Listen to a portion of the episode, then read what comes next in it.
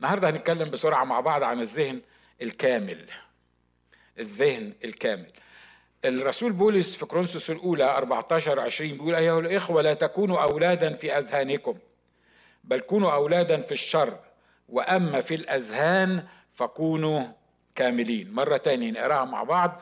آه، أيها الإخوة لا تكونوا أولادا في أذهانكم بل كونوا أولادا في الشر. وأما في الأذهان فكونوا كاملين. أما في الأذهان فكونوا كاملين. إحنا اتكلمنا عن الذهن الطفولي أو ذهن الأولاد بالتفصيل قبل كده لكن النهارده بنتكلم مع بعض عن الأذهان آه، الكاملة أو الذهن الكامل. تقول لي هو في حد ذهنه كامل؟ في حد ذهنه كامل معقولة في الدنيا؟ في حد ذهنه كامل؟ طب معقولة في الدنيا حد هيبقى ذهنه كامل. There is no way إنه يبقى واحد حد ذهنه كامل. على فكرة if there is no way إن حد يبقى ذهنه كامل ما كانش الله كتب في الكتاب إنه يكونوا كاملين في الأذهان.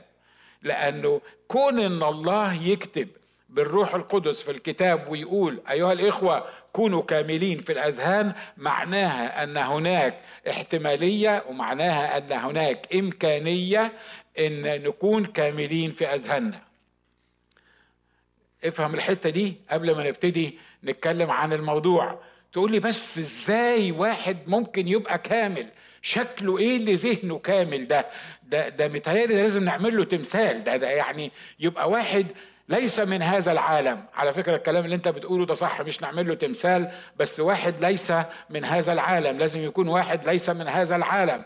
عارف انت وأنا وانتي إحنا مش هذا من مش من هذا العالم لأن الكتاب قال كده. إحنا بنعيش في العالم لكن لسنا من هذا العالم. يبقى حتى لو يعني التعجيز وصل إن اللي هيبقى ذهنه كامل مش من هذا العالم أنا النهارده بشجعك وبقول لك انت مش من هذا العالم ولأنك مش من هذا العالم فممكن يبقى ذهنك كامل.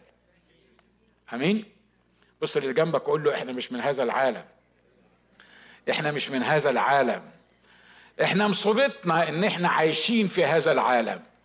إحنا الكارثة اللي إحنا موجودين فيها إن إحنا بنحاول نتمثل بهذا العالم وبنحاول نفهم هذا العالم وبنحاول آه، نشابه هذا العالم.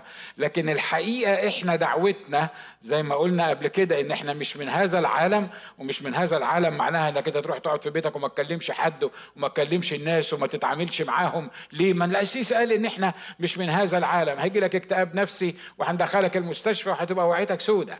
لكن لكن إحنا مش من هذا العالم معناها إيه؟ إحنا مش هنعيش زي هذا العالم. المقاييس التي تنطبق على هذا العالم اللي بيعملوه الناس اللي موجودين في هذا العالم ما ينفعش يحصل معانا. ليه؟ لأن إحنا لينا عالم تاني عالم روحي عالم الروح القدس اللي بيعيشنا في العالم بتاعه وإحنا مش مغيبين. باي ذا لما نقول إن إحنا مش من هذا العالم إحنا ما بنبقاش مغيبين. إحنا في العالم لكننا لسنا من هذا العالم ليه؟ لأن القوانين الإلهية السماوية اللي بيطالبنا الله إن إحنا ننفذها قوانين ما بتمشيش مع هذا العالم. فلما يجي يقول لي أحبوا اعدائكم يا جماعة يا مؤمنين مش بتكلم عن المسيحيين بتكلم عن المؤمنين عن اللي عرفوا يسوع مخلص شخص لحياتهم عن الناس اللي اتغفرت خطيتهم عن الناس اللي بيسكن الله جواهم. لما يجي الله يقول أحبوا اعدائكم باركوا لعينيكم أحسنوا إلى مبغضيكم صلوا لأجل الذين يسيئون إليكم ويضطهدونكم. يعني لما يموتوكم لما ياخدوا بيتكم اللي في العراق لما يعذبوا بنتك ولا ابنك قدامك أنا مت... أنا وأنت مطالب إن أنا أحبهم. تحب مين يا عم؟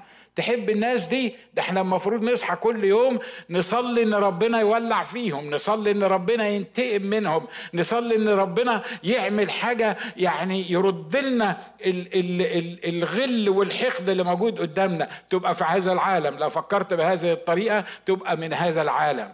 لكن لأني أنا وأنتم مش من هذا العالم وأنا كنت خاطي في يوم من الأيام ومحبة المسيح. كم واحد كان من هذا العالم؟ كم واحد مش من هذا العالم دلوقتي؟ أمين؟ مبارك اسم الرب. لما تبقى مش من هذا العالم ويعيش فيك الروح القدس تعرف تحب أعدائك. تعرف تبارك لعينيك. تعرف تحسن إلى مبغضيك. دي تعليم المسيح. ده اللي طلبه المسيح. ولما المسيح يطلب حاجة بيديني إمكانية تنفيذها. وبيديني إمكانية إن أنا أحب أعدائي. بيديني إمكانية إن الناس اللي بيأذوني الناس اللي, اللي, اللي خطفوا مني الناس اللي طلعوني من بيتي الناس اللي عملوا عملوا عملوا لأن أنا مش من العالم ده ولأن المسيح بالروح القدس يسكن فيا أقدر أحب أعدائي وأصلي لأجل الذين يسيئون إلي ويضطهدونني. عشان كده الرسول هنا لما بيقول أيها الإخوة أيها الأحباء أيها الأولاد لا تكونوا أولادا في أذهانكم بل كونوا أولادا في الشر وأما في الأذهان فكونوا كاملين. معناها أن هناك حاجة اسمها الذهن الكامل اللي ممكن أنا أتمتع به لأن المسيح يحيا فيا. الجماعة بتوع أصحاب الذهن الكامل زي ما قلت لكم قبل كده في كل أنواع الأذهان يعني أنا ممكن أقعد كده على الكاوتش وأقعد أحط سمات أصحاب الأذهان من ذهني زي ما بيجي كده. لكن أنا ما بعملش كده.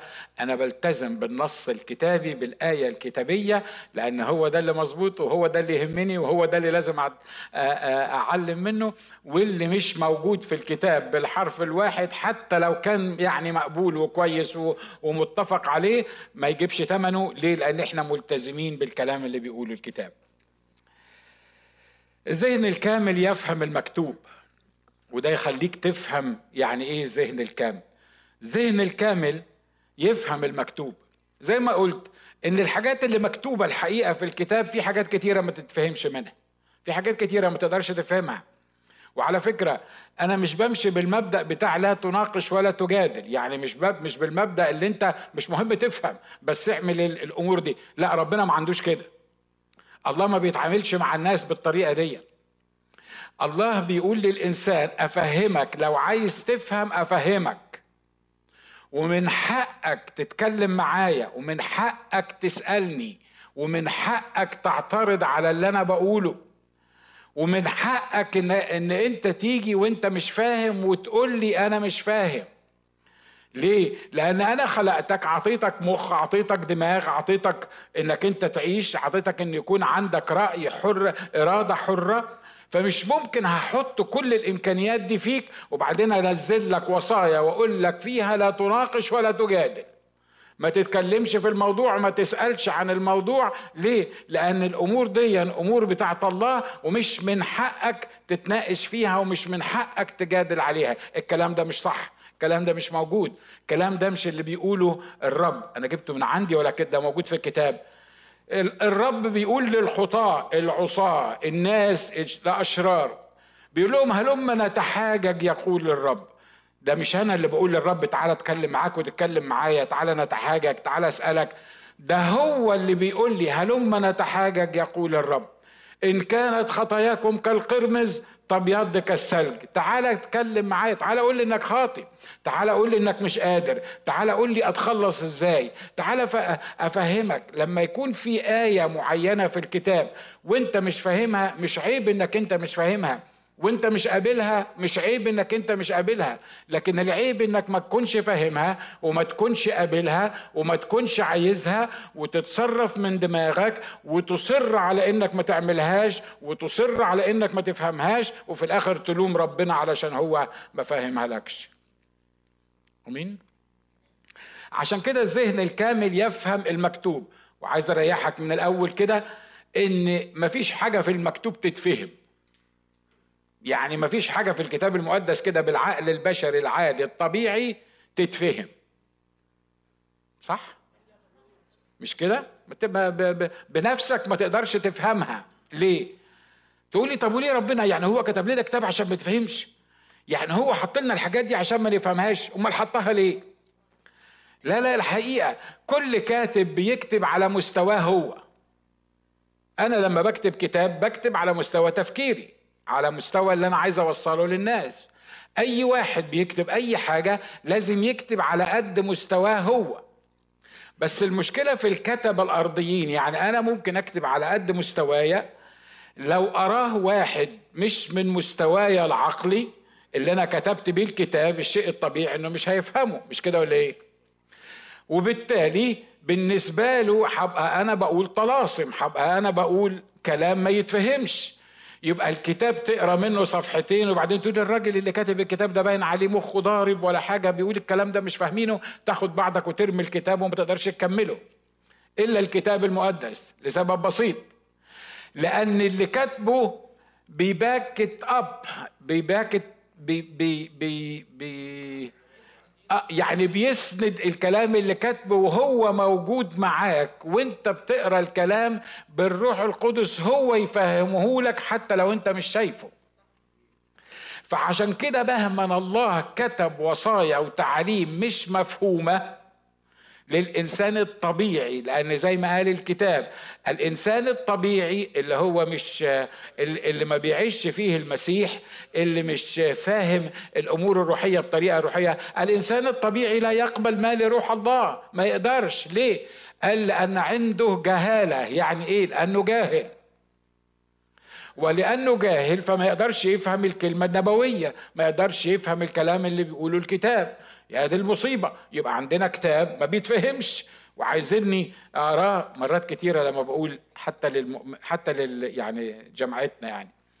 أقول له أنت قريت الكتاب؟ يقول لي بصراحة أنا عندي مشكلة في حكاية الكتاب دي في قراية الكتاب. ليه؟ أصل لما بقراه ما بفهموش. كم واحد ده اختباره من زمان كان الموضوع ده. نشكر الله في ناس ما بتفهمش زي اهي. في الكتاب يعني لما كنا لما كنا زمان. الكتاب بالنسبة لنا لما نمسكه نقعد نفتح كده يعني آه القصص اللي فيه فاهمينها على أساس إنها قصص. على فكرة حتى القصص اللي أنت فاهمها الحقيقة أنت مش فاهمها لأنك لازم تفهم ليه اتكتبت القصص دي وإزاي اتكتبت و... و... والتأثير بتاعها. بالتالي أنا وأنتوا بصراحة كده من... من الآخر إحنا مش فاهمين حاجة في أي حاجة. لكن لما عرفت يسوع مخلص شخص لحياتي ولما الروح القدس سكن فيا ولما عرفت إن الله موجود في كل لحظة عشان يفهمني ويشرح لي ويقول لي ويخليني أربط الكلام الروحي أربطه ببعض. لما فهمت الحقيقة دي يا أخي بقيت أفهم الكتاب. ده أنا مش بس بقيت أفهم الكتاب ده بقي الكتاب بالنسبة لي أهم كتاب وأحلى كتاب أقدر أقعد قدامه وأقدر أقراه. حد اختباره ده؟ مش كده ولا إيه؟ أنا النهارده اعمل لكم تمارين على فكرة. فالذهن الكامل يفهم المكتوب. تقول لي ما إحنا بنفهم أهو. ما إحنا بنفهم. هو المكتوب مش مكتوب بالعربي؟ آه. وإحنا مش بنتكلم عربي؟ آه. طب ما إحنا بنفهم. يعني يعني إيه ذهن الكامل؟ هو ذهن الكامل بس اللي هيفهم المكتوب. عايز أقول لك حاجة صدقني حتى لو كنت أستاذ لغة في العربي وفاهم كل قواعد النحو ولا الصرف بتاعت العربي وبتقرأ عربي ومتمكن من العربي تقرأ الكتاب المقدس بالعربي مش هتفهمه إلا بالروح القدس لأن الكتاب ما بيتفهمش بالعربي الكتاب بيتفهم بالروح القدس. أقول لك الدليل في منتهى البساطة إن اتنين قاعدين جنب بعض بيقروا آية واحدة واحد فاهم بيقول إيه والتاني يقول لك أصل بس مشكلتي بصراحة أنا مش فاهم الكتاب بيتكلم عن إيه. لا أقول لك حاجة أعمق من كده كمان. أنت مرات تقرأ آية أو تقرأ نص كتابي وتفهمه بعدها يمكن بأسبوعين ثلاثة أربعة تقرأ نفس النص تكتشف إن في حاجات تانية جديدة أنت ما كنتش قادر تفهمها لما قريتها أول مرة. صح الكلام؟ وعايز أطمنك في آخر أيامك ربنا يديك طولة العمر. لما يبقى عندك تسعين سنة ولا خمسة وتسعين سنة عارف لما تقرأ الكتاب هتلاقيه برضه جديد وهتفهم فيه حاجات جديدة وهتلاقي نفسك بتقرأ كأنك بتقرأ لغة جديدة. ليه؟ لأن الله اللي كاتبه. لأن الله اللي بيفسره لك. ال ال الإنسان المتعلم يخرج من كنزه جدد وعتقاء في الكتاب يقدر ياخد من الكتاب الكتاب ملوش آخر ملوش ملوش نهاية ملوش حدود. فعشان كده بقول لهم أيها الإخوة لا تكونوا أولادا في أذهانكم بل كونوا أولادا في الشر. وأما في الأذهان فكونوا كاملين. ذهن الكامل يفهم المكتوب في علاقته علاقته بكل الكتاب. أنا عايز آخد مثل عن إزاي تفهم الموضوع في علاقته ال ال ال الكاملة. واخترت مثل معرفش ليه اخترت مثل يخليني أحط إيدي في عش الدبابير اللي هو بتاع المواهب الروحية. وانتوا عارفين إن المواهب الروحية دي عليها خلافات كتيرة وفي ناس بتقول في مواهب وفي ناس بتقول ما فيش مواهب وفي ناس من اللي بيقولوا في مواهب ما هماش فاهمين إزاي المواهب تمشي ولا إزاي المواهب تمارس وال... والقصة نشكر الله ممكن تكون حاجة يعني يعني يعني تعمل لك روشة. موضوع المواهب ده على قد ما هو رائع وعظيم وممتع. ومهم إن يكون موجود في الكنيسة ويستخدم في الكنيسة لكن مرات كتيرة بيبقى عليه آه، لغط كتير. فبندي مثل بالمواهب الروحية. الناس فاكرة إن المواهب الروحية دي يعني آه، آه، كل الموضوع بتاع المواهب الروحية إن واحد يكون عيان أروح أنا لمسه كده خبطه في دماغه وأقول باسم الرب يسوع تشفى يروح إيه شفيان وخلاص. وبعدين الناس تسقف ليه؟ لأن ناجي حط إيده على حد وأنا مش عارف هم أصلا بيسقفوا ليه. وواحد قاعد على كرسي آه، بصلي له فحطيت إيدي عليه وصليت له وربنا أعطاني صلاة ليه كده صليتها له. وبعدين أعطيته ظهري ورحت بصلي لواحد تاني. لقيت الكنيسة كلها عمالة تسقف. فأنا أنا مش فاهم إيه اللي بيحصل. يعني هو هم بيسقفوا على إيه؟ أنا مش مش فاهم. ببص ورايا لقيت الراجل اللي قاعد على الكرسي وقف. فهم مش قادرين يتخيلوا إن الراجل اللي قاعد على الكرسي اللي بقاله سنين ده يعني مجرد آه، لمسة اتحطت عليه آه، حد حط إيده عليه وقف. مش كده ولا إيه؟ فانا مش بعمل دعاية لنفسي على فكرة لحسن تفكر يعني إن أنا بقول كده. لكن أنا بتكلم عن عدم الفهم هم الناس يسقفوا ليه؟ هي الناس انبهرت ليه لما الراجل اللي أنا لمسته ده وقف؟ عارف ليه؟ لأنهم مش فاهمين أصلا موضوع المواهب. لأنه مش فاهمين أصلا إنك أنت ما هو أنت لو في حاجة أصلا بتحصل معاك عادية طبيعية يعني لما يقف لما تحط إيدك على واحد ميت ويقوم ما حدش هيسقف لك. هم بيسقفوا ليه؟ لأن هم مش متوقعين إن ده يحصل الكلام ده. ولما حصل الكلام ده الناس دي اتروجت وحست إن في حاجة كبيرة حصلت فالانفعال بتاعهم خلاهم سقفوا. واضح اللي أنا عايز أقوله لك؟ ها؟ واضح اللي أنا عايز أقوله لك. ومرات كتيرة تتخيل إن هي هو هو هو يعني مين الشخص اللي يبقى عنده مواهب؟ والمواهب دي تستخدم إزاي؟ وتستخدم في كل وقت ولا ما تستخدمش في كل وقت؟ وتفضل يعني يعني عندك أسئلة ملهاش أول من آخر عن المواهب. في حد في دماغه أسئلة ملهاش أول من آخر عن المواهب؟ ممكن حد يرفع إيده كده. نشكر الله. حتى إحنا المؤمنين حتى إحنا اللي مارسنا الحكاية دي عندنا أسئلة كتيرة مش كده ولا إيه؟ عارف الذهن الكامل بقى يخليك تشوف الصورة كاملة. الذهن الكامل خلي بالك من النقطة اللي أنا بقولها دي يخليك تشوف الصورة كاملة بتاعت أي موضوع كتابي. ما تاخدش حتة من الكتاب وتجري بيها. ما تاخدش آية ولا تاخد مقطع من الكتاب ولا تاخد اختبار شخصي ولا تاخد حاجة وتجري بيها من غير ما تحطها في الصورة الكاملة. وخلي بالك من حاجة مهمة. إبليس فنان في إن هو يخليك تركز على حتة في الصورة. الشيء الطبيعي العادي اللي إحنا بن في أي حاجة في بيوتنا في أي حاجة في, في معاملاتنا.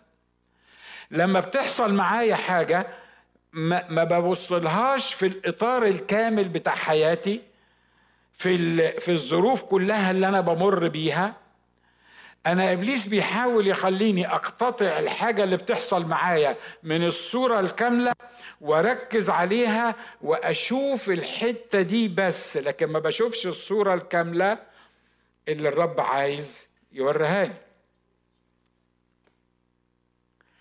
لما تطلع وهو ده اللي طلع في دماغي دلوقتي بس خلي بالك فأنا هقول لك مثل يعني ما تاخدوش إن أنا بتكلم عليك. لما تطلع في دماغك إنك تروح أريزونا اوعى تقول هو بيتكلم على مش عارف مين. أنا عارف إن عندنا ناس كتير عايزة تروح أريزونا.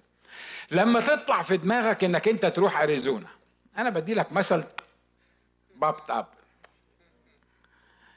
كل اللي أنت بتفكر فيه إيه؟ جالك واحد جنبك قال لك تعرف هناك يدوا لك عشرين ألف عشان تشتري بيت. وكمان البيوت هناك برخص التراب. والحياة رخيصة جدا. أي واحد عنده دماغ يحب يروح أريزونا مش كده ولا إيه؟ أو ميتشيجان أو آه، كوالالمبور أي حاجة في أي في أي في أي حتة طبعا أنت لا سألت الجو شكله إيه في أريزونا ولا في شغل ولا ما فيش شغل في أريزونا وفوق الكل هل الله عايزك تكون في أريزونا ولا لأ؟ وده الأساس بتاع الموضوع لكن كل اللي حصل في دماغك هو إيه؟ إن أنت قالوا لك إن البيوت رخيصة في أريزونا وأنت بقى من ساعة ما جيت من العراق كان عندكم بيت كبير نشكر الله من أجلكم وكنت ناس أغنياء فكل اللي أنت بتدور أنت مش قادر تعيشه غصب عنك وأنا مش بلومك وأنا كنت في, في نفس القارب في يوم من الأيام مش قادر تعيش في ال apartment اللي أنت موجود فيها وحاسس إن ربنا مش واخد باله منك وإنك مهما عملت في أريزونا في في في كاليفورنيا هنا وخصوصا في سان دييغو الجميلة دي هتبقى تعبان طول عمرك وامتى هتجيب بيت وامتى هتخلي بالك من العيال؟ فأول ما العدو قال لك إن في أريزونا البيوت رخيصة وبيدوا لك مش عارف كام عشان تشتري بيت هوب! شفت حتة صغيرة من الصورة. لكن البرواز اللي أنا بتكلم عليه هو المشيئة الإلهية الحاجة اللي الله يقول لك أنا عايزك دلوقتي في الوقت ده إنك تسيب سان دييجو وتروح أريزونا. جوه الإطار ده بتاع مشيئة الله أنت تقدر تشوف الصورة كاملة. ليه؟ لأنك ممكن تشوف عقبات ممكن تشوف حسنات ممكن تشوف مش عارف إيه بس أنت بتشوف صورة كاملة. المصيبة يا إخوة يا أخوات إن إحنا في كل تعاملاتنا سواء مع الناس أو مع أنفسنا أو مع بيوتنا أو مع زوجاتنا أو مع رجالتنا أو نيمت ما بنشوفش الصورة كاملة ما بنشوفش اللي الله عايز يوريه لنا إحنا بنشوف إيه؟ بنشوف جزء من الصورة الجزء اللي بيعجبنا الجزء اللي إحنا بندور عليه الجزء اللي إحنا we are missing يعني يعني بنفتقده الجزء اللي بنتخيله ان هو ده اللي إحنا محتاجينه فبنركز على الجزء ده وبالتالي بنعمى ما بنشوفش بقى الصورة. حد موافق على اللي أنا بقوله؟ وبعدين تلاقي نفسك ماشي ورا الجزء اللي أنت شفته وحققت الجزء اللي أنت شفته وأول ما رحت هناك أو أول ما حققت الجزء ده رفعت عينك قلت آه بس بس دي اللي انت بتقولها بقى بس اصل المشكلة هنا مش عارف مين. اصلي مش عارف إيه لأنك ما شفتش الصورة كاملة. الذهن الكامل ده يا إخوة أخوات ما هوش الذهن اللي مش هيعمل خطية طول عمره. ما هوش الذهن السوبر ستار يعني اللي هو يلجفها وهي طايرة زي ما أنتوا بتقولوا. ما هواش الذهن اللي محدش يقدر يضحك عليه. ما هواش الذهن بتاع الناس يعني ناس معينين كده ناس يعني عارف بتوع دكتوراهات ولا بتاع ولا حاجات من كده. الذهن الكامل ده هو الذهن الخاضع للمشيئة الإلهية اللي بيشوف الصورة كاملة اللي الله بيحاول يكلمه عليها. أمين؟ هو في حد في أمريكا مش عايز يبقى عنده بيزنس مش معقولة يعني حد في أمريكا يبقى مش عايز عنده business يعني.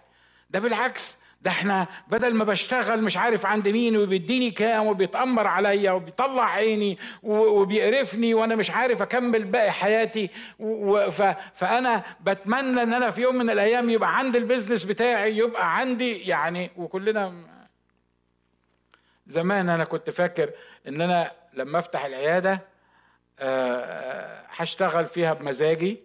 هروح أروح ما اروحش ما اروحش و... ولما يكون عندي حاجة أسافر لها وأجيبها وبتاع يعني الدكتور بقى يعني أنتوا يعني خلاص بقى وأنا عندي عيادة وخلاص اللي اللي, اللي أنا عايز أشت... الوقت اللي أنا عايز أشتغله أشتغله الوقت اللي أنا مش عايز أشتغله ما أشتغلوش ببساطة. صح؟ اكتشفت الحقيقة إن في حاجة اسمها جدول في العيادة وعيانين وناس ما نامتش طول الليل فالساعة 9 الصبح بيتصلوا بالعيادة عايزين يجوا لازم يتعالجوا. وأنا الدكتور بتاعهم فلما أسافر أروح حتة تاني لازم أخلي واحد تاني يبقى موجود مكاني واللي موجود مكاني ده مش كل مرة بيبقى موجود مكاني فأنا بضطر أغير الجدول بتاعي على حسب العيانين بتوعي. اكتشفت إن أنا مش يعني مش أنا اللي صاحب القرار الوحيد في الموضوع ده. فاهمين أنتوا مش كده؟ أنا بديك مثل عن نفسي يعني. تقول وأنا اكتشفت الكلام ده إيه؟ ده أنا اكتشفته بعد ما كان كان سني خمسين سنة. يعني يا ريتني حتى اكتشفته وأنا وأنا زمان. بس أنا كنت متخيل ان أنا إيه؟ بس اسمع أنا مش هشتغل عند حد. ليه؟ أنا اشتغل عند حد هيشغلني على مزاجه. فانا اشتغل في البيزنس بتاعي عشان أنا اشغل الكل على مزاجي. لا اكتشفت ان الموضوع مش كده. ما بيمشيش كل كده. اكتشفت ان أنا كنت شايف حتة صغيرة من الصورة ما كنتش شايف الصورة كاملة. ولأني شايف حتة صغيرة من الصورة فاضطريت آخد قراراتي على الحتة الصغيرة اللي أنا شايفها وبعد ما عملت ال business بتاعي اكتشفت إن ال business بتاعي أنا مش بتكلم على العيادة نشكر الله لأن أنا بسيبها يعني اني anyway. فاكتشفت إن ال إن إن ال business بتاعي لا مخليني باكل ولا بشرب ولا بروح ولا أشوف بيتي ولا أعمل مش عارف مين وعلاقاتي والدنيا كلها خربت الله هو الواحد أحسن يبقى عنده business ولا ما يبقاش عنده business عارف الأحسن؟ إنك تشوف الموضوع في الإطار الإلهي في المشيئة الإلهية يبقى هو اللي يقول لك يبقى عندك business ولا ما عندكش business هم دول أكبر حاجتين في حياتنا ال business والبيت. مش عايز أكلمك عن الجواز؟ آه ده بقى يعني ده عايز له اطار لوحده متهيألي. بس برضه لازم يبقى عند إيه؟ في الإطار اللي, اللي إحنا بنتكلم فيه مش كده ولا إيه؟ ها؟ الذهن الكامل يفهم المكتوب في علاقته بكل الكتاب. الذهن الكامل الذهن الروحي بنتكلم عن الحاجة الكتابية دلوقتي مش على البيزنس ولا الجواز ولا ال ال العلاقات. الذهن الكامل يفهم المكتوب في علاقته بكل الكتاب. المثل اللي إحنا خدناه المواهب الروحية. المواهب الروحية تتفهم في علاقتها بالمحبة. تقول لي علاقة المحبه بالمواهب الروحية. هنشرح الكلام ده. المواهب الروحية تفهم في علاقتها بعضها ببعض. بموضوع المواهب ده أنت عندك إيه وأنا عندي إيه؟ طبعا إحنا يعني بالنسبة لنا عندنا ثلاث أربع مواهب أنا بسميهم يعني المواهب الملكية أو المواهب يعني ال first class مواهب. هم إيه ال first class مواهب؟ الشفاء النبوات عارف الحاجة اللي تخليني كده يعني إيه؟ هحط إيدي على واحد راجل مشلول يقوم فالدنيا بقى هتفضل تتكلم عليا طول عمرها يعني واخد بالك؟ فالشفاء النبوات التكلم بألسنة عمل القوات. لما تيجي تقول لي في موهبة اسمها تمييز الأرواح يقول لك أرواح إيه يا عم؟ أنتوا حاجنونا أنتوا أنتوا ارواح إيه أعمل بها إيه أنا تمييز الأرواح دي؟ تمييز الأرواح دي هتفيدني في إيه أنا الحكاية دي؟ مع عند مرات كتيرة أنت بتبقى محتاج لتمييز الأرواح أكتر ما يكون عندك موهبة النبوة لأن تمييز الأرواح هتويدك إن أنت هتلبس في الحيط لو ما ميزتش الأمور اللي قدامك إنما الشفا دون هتشفي واحد تاني وتاخد بعضك تروح بيتكم. هنتكلم بالتفصيل. الحاجة الثالثة المواهب تفهم في علاقاتها بممارسها. يعني ما تقدرش تفهم الموهبة ما تقدرش تتكلم عن الموهبة إلا في علاقتها بالشخص اللي بيمارسها مش كده ولا إيه؟ أدي لك مثل بسرعة وهي إنه مرات كتير أقول لك معقولة فلان ده عنده مواهب؟ معقول الراجل ده ربنا بيكلمه؟ معقولة الشخص ده؟ ليه؟ ده بيعمل وبيسوي وبيقول وبيروح ومش عارف مين. وإحنا إحنا اللي بنصور الأمور بطريقة أو بأخرى لكن المواهب عشان تتفهم تتفهم في علاقتها بممارسها. آخر حاجة المواهب تفهم في علاقتها بالذين تمارس معهم.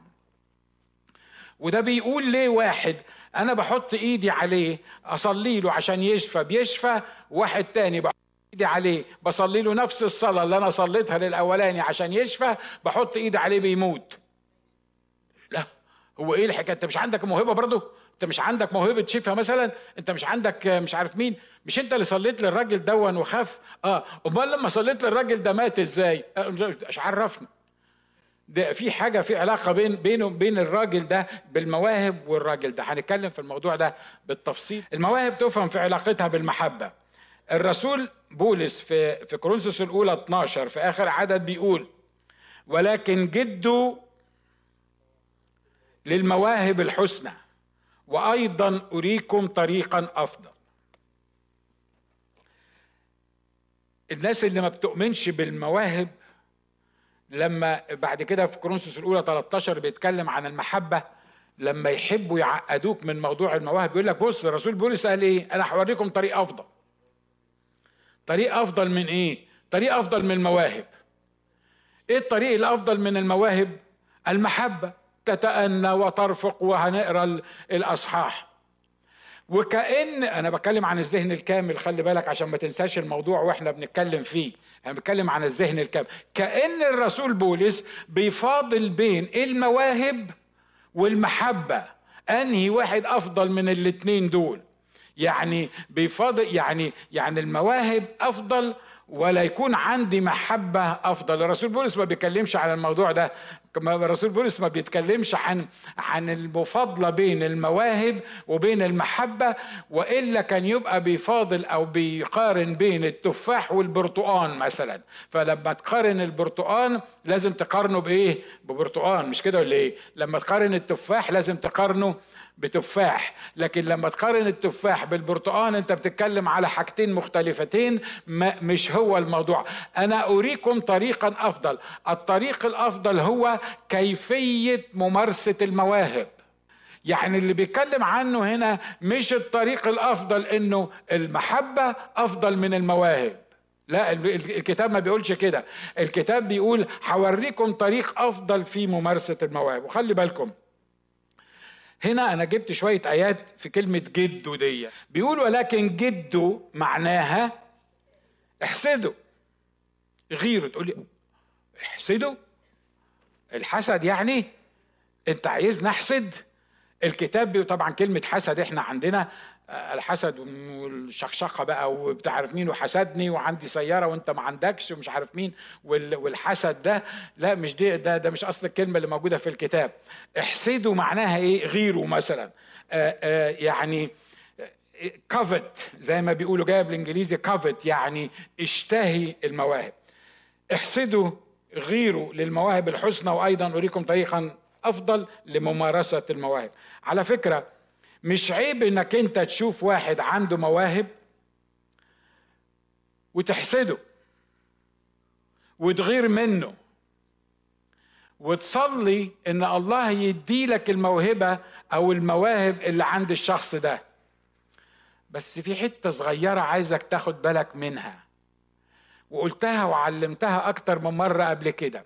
ساعة ما يسوع بيكتب اسمك في سفر الحياة ساعة ما بتعرف يسوع مخلص شخص لحياتك انت بتتولد بالمواهب جواك.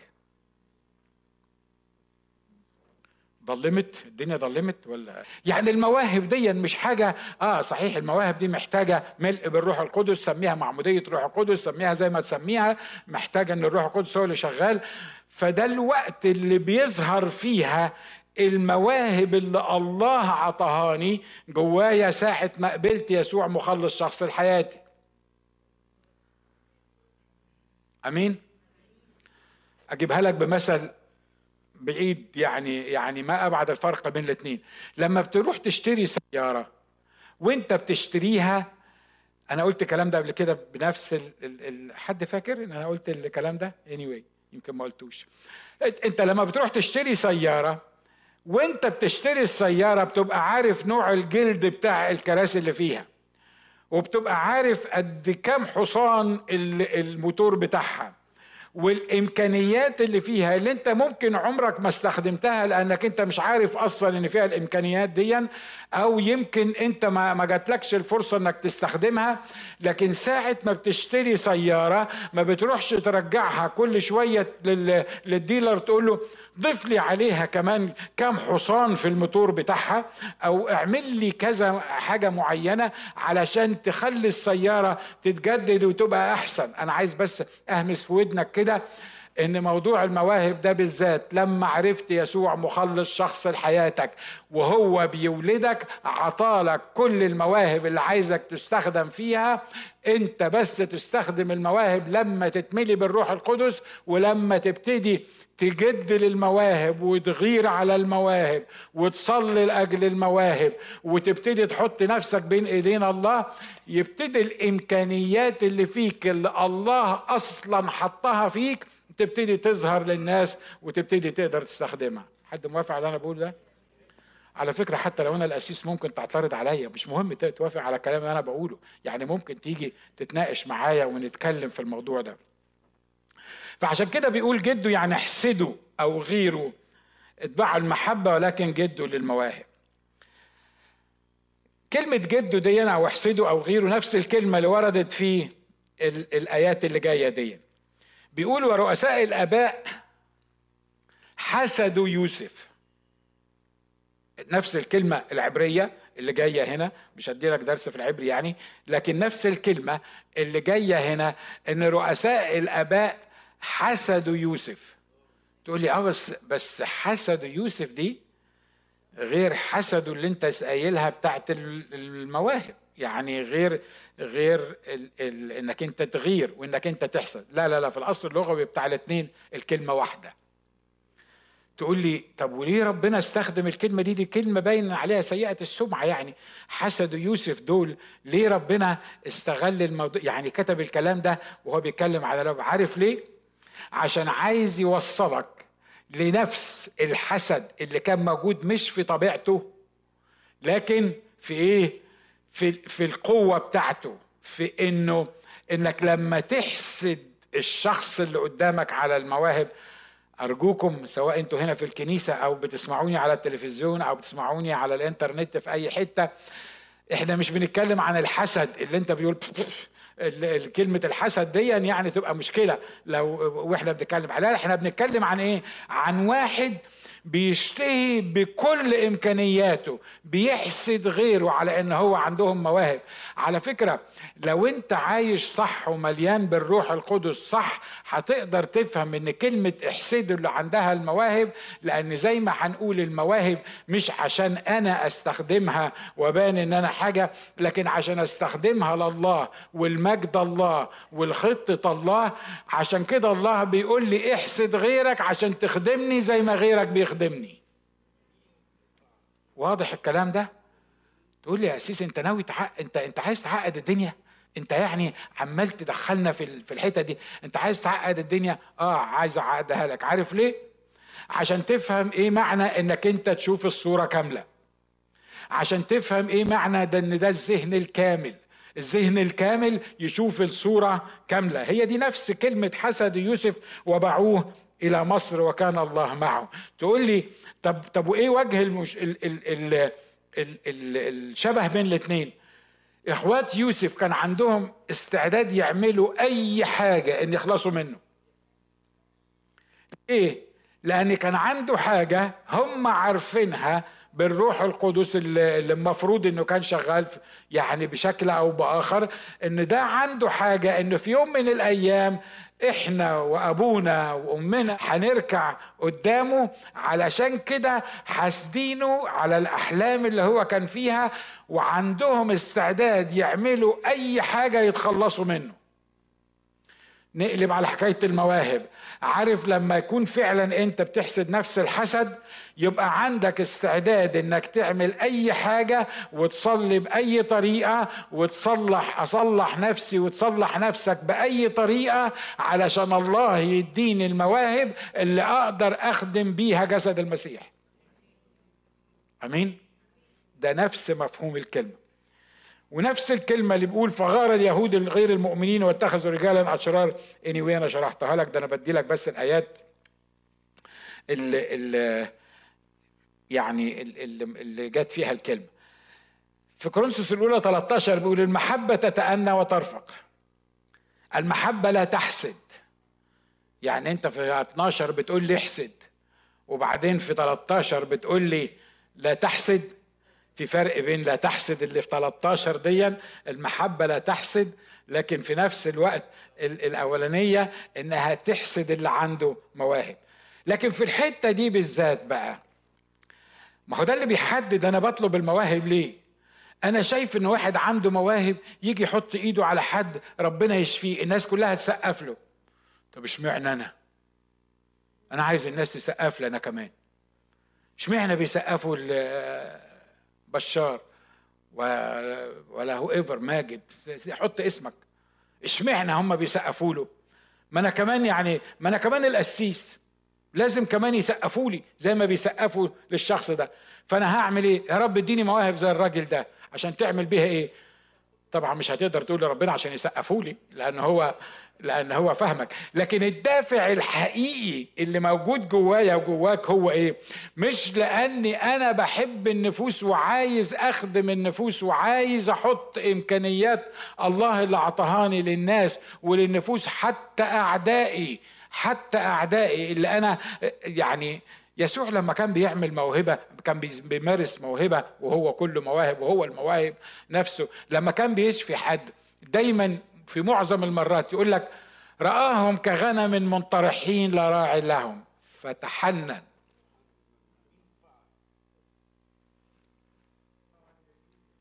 المحبة تتأنى وترفق. المحبة لا تحسد ده مش درس عن المحبة. محبة لا تتفاخر ولا تم الرسول هنا بيقول ونفس الكلمة جاية برضو يغارون لكم ليس حسنا بل يريدون أن يصدونكم لكي تغاروا لهم حسنة هي الغيرة في الحسنى يعني إيه؟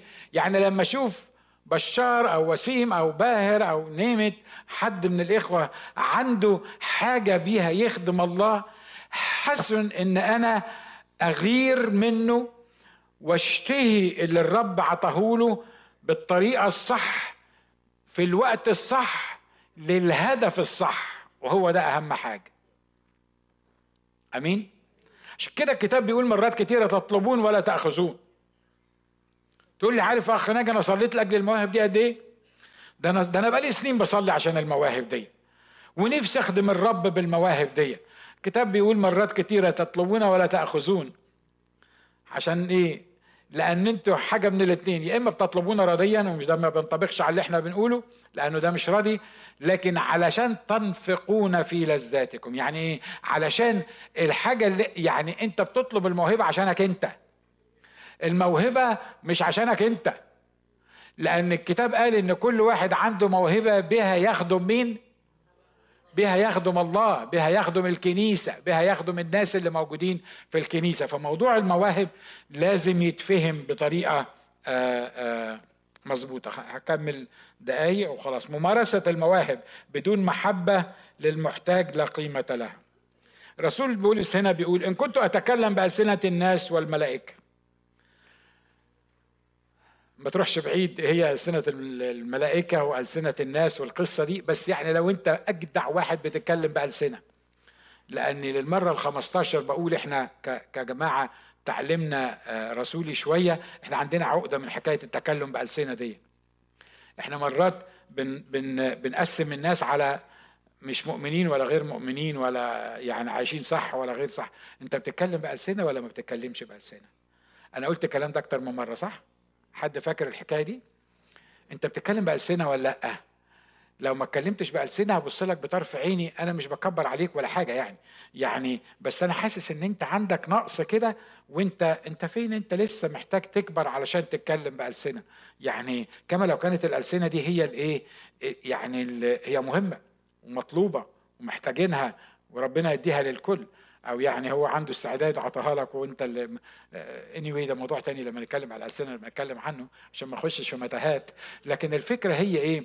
على فكرة اللي عنده مواهب ملوش أي ميزة في الموضوع أكتر من اللي ما عندوش. لو عندك كل المواهب اللي موجودة في الناس لكن ما عندكش محبة انت تبقى نحاسا يطن أو صنجا يرن عارف غطا الجدرية؟ لما تمسك غطا الجدرية من هنا حلة يعني أو زي ما إحنا بنقول بالمصري حلة غطاين حلة كده وتخبطهم في بعض يطلعوا لك إيه؟ يطلعوا لك نغمات جميلة مش كده ولا إيه؟ لو الواد ليو عمل كده وخبط لك حلتين في بعض مش مش هتحضنه بقى والقصة دي مش عارف هتعمل فيه إيه ليه؟ لأنه لأنه لأنه خلاص وجع لك دماغك مش كده ولا إيه؟ لو استعملت المواهب اللي عندك لو استعملت وعظك لو استعملت اللي أنت بتستعمله وأنت ما عندكش محبة يبقى مش أكتر من إنك ماسك غطيين حلة بتخبطهم في بعض. تعمل مشاكل للناس وتعمل صداع وتعمل مصيبة سودة في الحتة اللي أنت موجود فيها. ليه؟ لأنك أنت ماشي تقول عن نفسك إن عندك مواهب وبتخلي الناس تركز عليك وبتحدف الجاكيت بتاعك على الناس. لو ما وقعوش يبقى وعيتهم سودة والقصة كلها بتدور حواليك انت. إن كنت أتك... أنا هخلص عند ال... أنا لسه ما ابتديتش الموضوع بس anyway هخلص عند ال slide إن كنت أتكلم بألسنة الناس والملائكة ولكن ليس لي محبة فقد صرت نحاسا يطن أو صنجا يرن. يعني يا ريت حتى تبقى neutral لا ده أنت لو بتمارس المواهب أو لو أنت بتتكلم بألسنة وحضرتك ما, ما عندكش محبة يا ريتك ما تمارسها يا ريتك ما تقولها يا ريتك ما تسمعنا صوتك. ليه؟ لأن أصل الممارسة بتاعة المواهب هي المحبة. ولو ما عندكش محبة حقيقية لإخواتك لا يمكن تمارس موهبة وتمارسها بالطريقة الصح وتفيد بيها الكنيسة. وإن كانت لي نبوة ده مش بس ألسنة ده النبوة كمان. وأعلم جميع الأسرار جميع الأسرار وكل علم. وما بحبش الألقشيين مثلا أو البطنويين واخد بالك؟ مع ان عندي نبوة مع إني أعلم كل الأسرار مع إني يعني يعني بس بصراحة الناس دول أنا مش يعني عايز أقول لك حاجة لو عندك مواهب بتخدم بيها الكنيسة وما بتحبش المسلمين انت زي قلتك. عارف ليه؟ لأن الله محبة والله قال لي إنك تحب الناس دول فمش بإيديا أنا ما أحبهمش أنا بحبهم لأن المسيح خلاني أحبهم ومحبتي ليهم هي اللي هتربحهم للمسيح. مش تربحهم للكنيسة ومش تربحهم للمسيحية ومش تربحهم لأي حاجة تاني تربحهم لله. اللي اتخلقت أنا منها اتخلق منها التاني. يبقى يبقى ليه بقى نظام اللي إحنا اللي إحنا بنفكر فيه ده؟ لأن المحبة دي أصل كل شيء. أخلص السلايد ده وأعلم جميع الأسرار وكل علم وإن كان لي كل الإيمان حتى أنقل الجبال ولكن ليس لي محبة فلست إيه؟ فلست شيئا. بس آخر حاجة أقولها لك بقى. بص يا أخ ناجي أنت واقف على المنبر بقى عمال تقول لنا محبة وتحب دول وما تحبوش دول. بصراحة أنا مش عارف أجيب المحبة دي إزاي. وبصراحة محتاجة مجهود كبير جدا عشان أقدر احب اعدائي واقدر احب مبغضيه يعني عايز تفهمني ان الناس اللي قتلوني ولا قتلوا ابويا ولا قتلوا أختي ولا قتلوا امي يعني احبهم كده ببساطة؟ لا أنا عايز أقول لك حاجة مش هتقدر تحب حد. صدقني مش الناس اللي قتلوا ده الناس اللي معاك في البيت مش هتقدر تحبهم. ليه؟ لأن الإنسان ما يتحبش. صح اللي أنا بقوله ده؟ تقول لي يعني انت طب طب انت ما انت بتقول اهو. عمال تقول لنا ما كنتش تحبه وما كنتش تحبه وما كنتش تحبه دلوقتي بتقول لي الإنسان ما يتحبش. يعني يعني انت عايز إيه بالظبط؟ أنا عايز أقول لك إزاي تحب الإنسان. تحب الإنسان بطريقة واحدة بس. لما المسيح يسكن جواك يملأ قلبك محبة تقدر تحب حتى أعدائك واللي بيخلفوك واللي قتلوك واللي عملوك. ليه؟ لأن مش أنا وأنتوا اللي بنحب.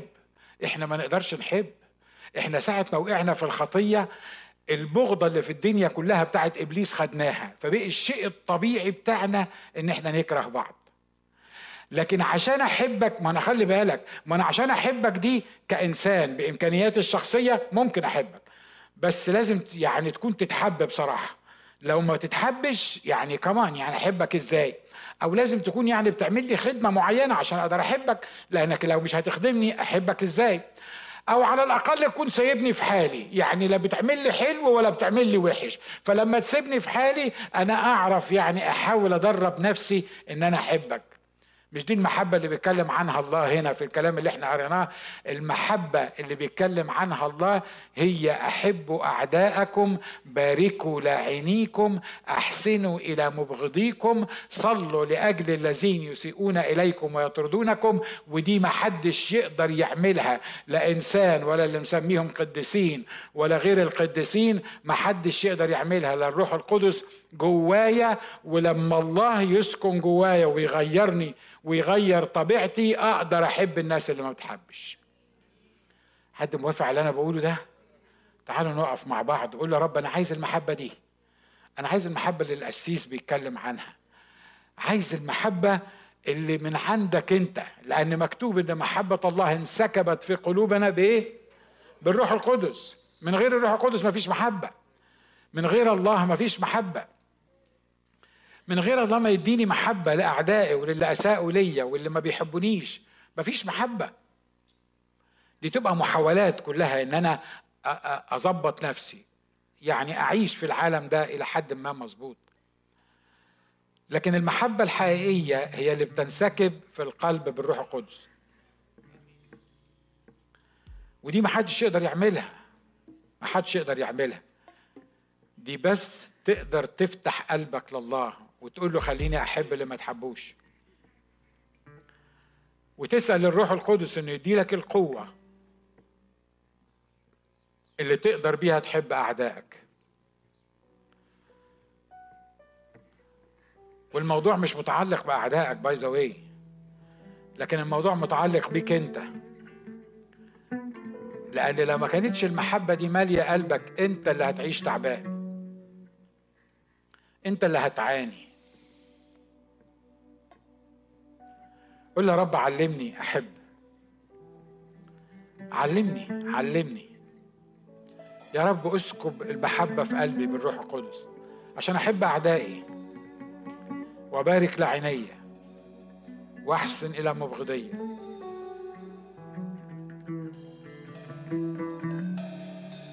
يا رب املأني محبة علشان أقدر أحب الآخرين عشان أقدر أحب نفسي. عشان أقدر أحب اللي بيحبوني عشان أقدر أحب اللي ما بيحبونيش.